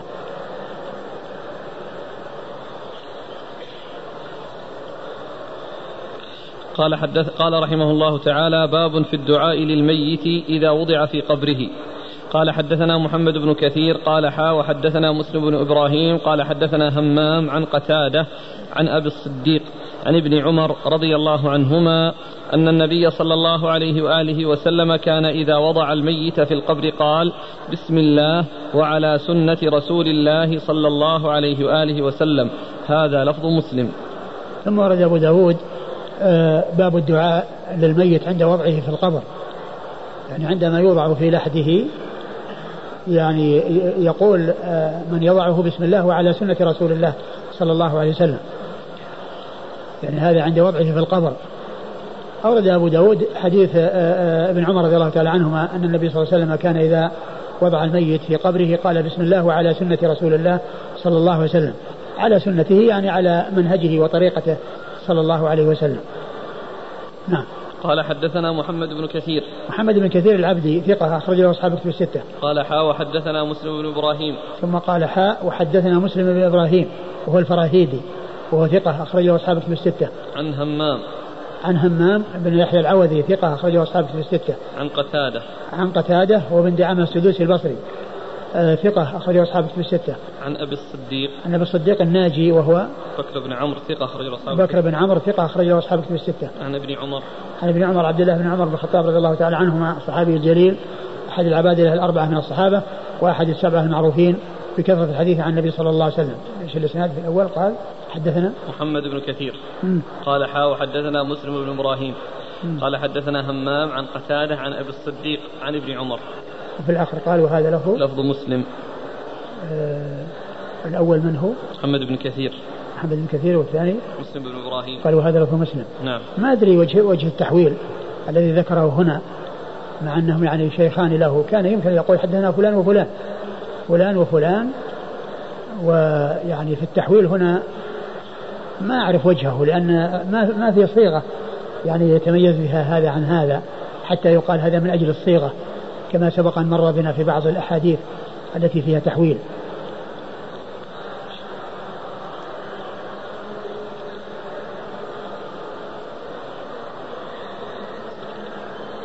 لا لا يقول من ينزل.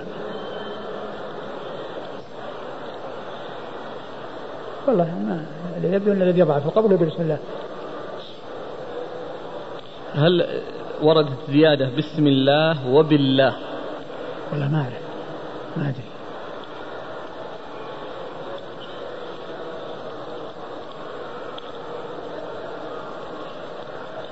قال رحمه الله تعالى باب الرجل يموت له قرابة مش قرابة مشرك. قال حدثنا مسدد قال حدثنا يحيى عن سفيان قال حدثني أبو إسحاق عن ناجيه بن كعب عن علي رضي الله عنه أنه قال قلت للنبي صلى الله عليه وآله وسلم إن عمك الشيخ الضال قد مات. قال اذهب فواري أباك ثم لا تحدثن شيئا حتى تأتيني. فذهبت فواريته وجئته فأمرني فاغتسلت ودعا لي. ثم أرد أبو داود باب في الرجل يموت له قرابة المشرك. يعني يموت له قريب مشرك. يعني ماذا يفعل به؟ يعني معناه أنه يوريه ولا بد من مواراته يعني ولا ولا يشيع. يعني ما يعني يشرع تشييعه. ولكنه يعني آه، لا بد وأن يوارى وأن يدفن. آه، أورد أبو داود حديث علي رضي الله عنه أنه لما مات أبوه أبو طالب وكان قد مات على الشرك وعلى الكفر وقال إن عمك الشيخ الضال قد مات قال اذهب فواره يعني ادفنه واره في التراب ولا تحدثن شيئا حتى تأتيني. فذهب إليه فذهب آه، وفعل ما أمر به ثم إنه رجع وأمره أن يغتسل ودعا له أمره أن يغتسل ودعا له. فهذا يدل على أن القريب المشرك يعني تجب مواراته. وأن على أقربائه المسلمين أن يواروه ولكن لا يشرع تشييعه ولا يعني يعني يذهب معه وإنما من احتيج إليه هو الذي يذهب به يذهب به لمواراته ودفنه. وهذا يعني يدل على أنه مات كافرا وقد جاءت الأحاديث في ذلك أنه قد مات كافرا وذلك في حديث آه، آه، الذي فيه أنه لما كان في مرض موته جاء إليه وقال يا عم قل لا إله إلا الله كلمة أحج لك بها عند الله. وكان عنده اثنان من من المشركين يعني في ذلك الوقت. فقال له أترغب عن ملة عبد المطلب؟ فأعاد عليه وأعاد عليه. وكان آخر ما قال هو على ملة عبد المطلب ولم ولم يقل لا إله إلا الله. ف يعني فمات كافرا. ولهذا قال علي إن عمك الشيخ الضال قد مات. قال اذهب فواره وفيه أن الرسول أمره بالاغتسال. يعني يعني بعد بعد مواراته. نعم. ودعا لي. ودعا لي يعني دعا لعلي رضي الله عنه. فهنا الاغتسال لأنه يعني كافر. أو على الأول يعني يكون منسوخ هذا كما سبق معنا من غسل ميتا أو من لا هذا يعني ما في ذكر التغسيل. هنا ما في شيء يعني يدل على التغسيل وإنما فيه المواراة قال يذهب فواره لأن التغسيل يعني كما هو تطهير والكافر يعني لا يغسل يعني يذهب به ويدفن. فالغسل يعني أمره بالغسل وجهه بالاغتسال فأمرني. ما أقول ما أعلم وجهه. يقول الأخ يكفن ولا بثيابه يدفن؟ نعم. الكافر فواري مواراته بما بما هو بما مات فيه من ثياب ولا يكفن يغطى؟ والله ما أدري ما أدري.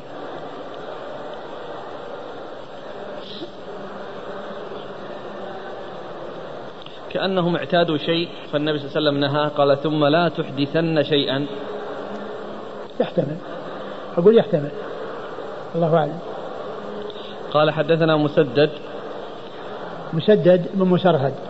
ثقة أخرجه البخاري وأبو داود والترمذي والنسائي عن يحيى عن يحيى آه، يحيى بن سعيد القطان ثقة أخرجه أصحاب كتب الستة عن سفيان عن سفيان هو الثوري سفيان بن سعيد المسروق الثوري ثقة أخرجه أصحاب في الستة.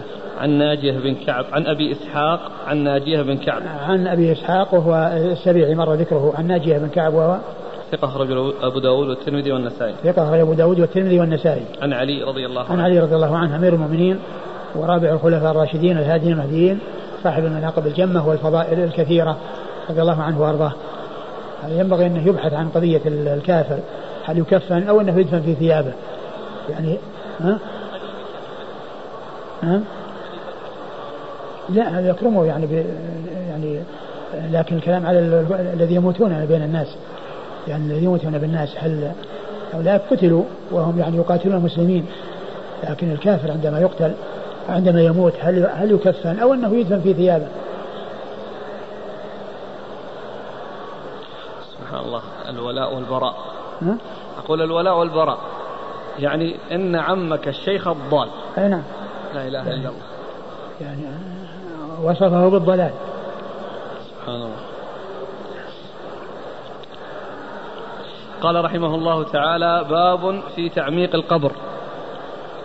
قال حدثنا عبد الله بن مسلمة القعنبي أن سليمان بن المغيرة حدثهم عن حميد يعني بن هلال عن هشام بن عامر رضي الله عنه قال جاءت الأنصار إلى رسول الله صلى الله عليه وآله وسلم يوم أحد فقالوا أصابنا قرح وجهد فكيف تأمرنا؟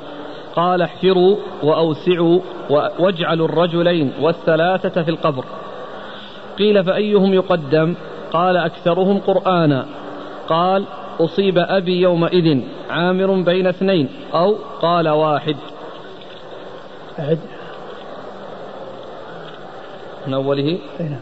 قال حدثنا عبد الله بن مسلمة القعنبي أن سليمان بن المغيرة حدثهم عن حميد يعني بن هلال عن هشام بن عامر رضي الله عنه قال جاءت الأنصار إلى رسول الله صلى الله عليه وآله وسلم يوم أحد فقالوا أصابنا قرح وجهد فكيف تأمرنا؟ قال احفروا وأوسعوا واجعلوا الرجلين والثلاثة في القبر. قيل فأيهم يقدم؟ قال أكثرهم قرآنا. قال أصيب أبي يومئذ عامر بين اثنين أو قال واحد. انتهى. انتهى. ثم أورد أبو داود هذه الترجمة وهي باب في تعميق القبر. تعميق القبر يعني آه، نزوله في الأرض. يعني كونه يعمق ويحفر في الأرض يعني بحيث يكون عميقا. ما يكون قريبا لأنه إذا كان قريبا يمكن تحفره السباع والكلاب وتأكله.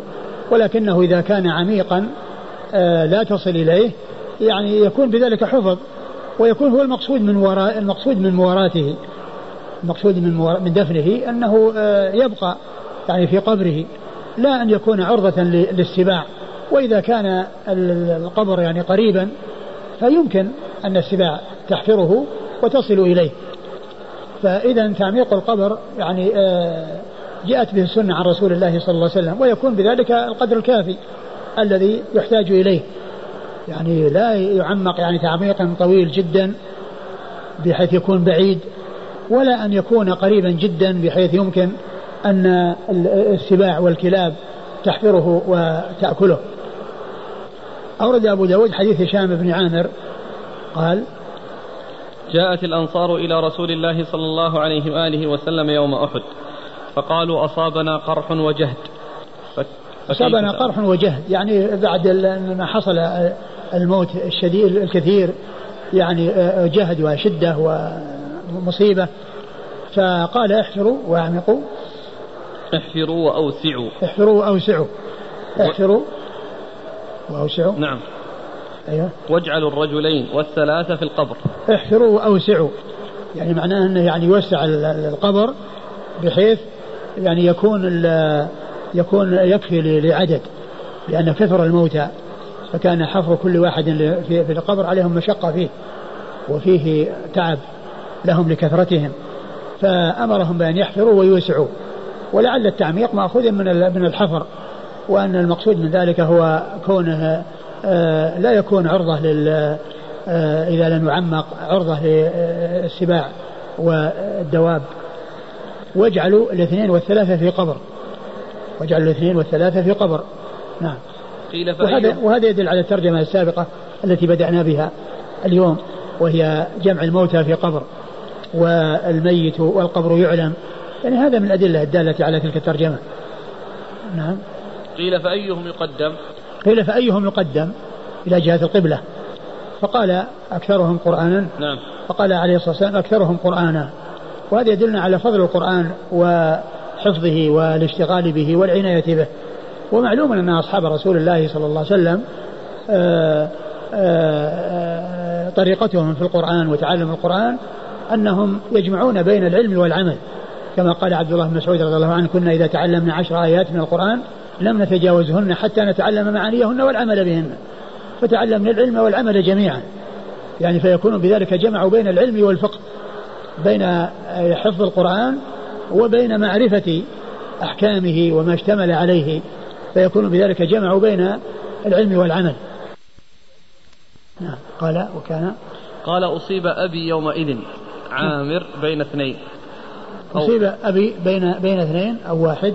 أو واحد نعم. يعني معناه أنه دفن بين اثنين أو واحد. يعني في قبر يعني دفن ومعه غيره. فهو إما أن يكون معه اثنان أو أنه معه, معه واحد. المهم أنه ليس وحده في قبره وإنما جعل معه غيره والشك بين أن يكون معه اثنان أو أن يكون معه واحد. قال حدثنا عبد الله بن مسلمة القعنبي عن سليمان بن المغيرة. سليمان بن المغيرة ثقة أخرج له أصحاب الكتب الستة. عن حميد يعني بن هلال. حميد بن هلال هو ثقة أخرج له أصحاب الكتب. ثقة أخرج له أصحاب الكتب الستة. عن هشام بن عامر. عن هشام بن عامر وهو صحابي أخرج له. البخاري في المفرد ومسلم وأصحاب السنة.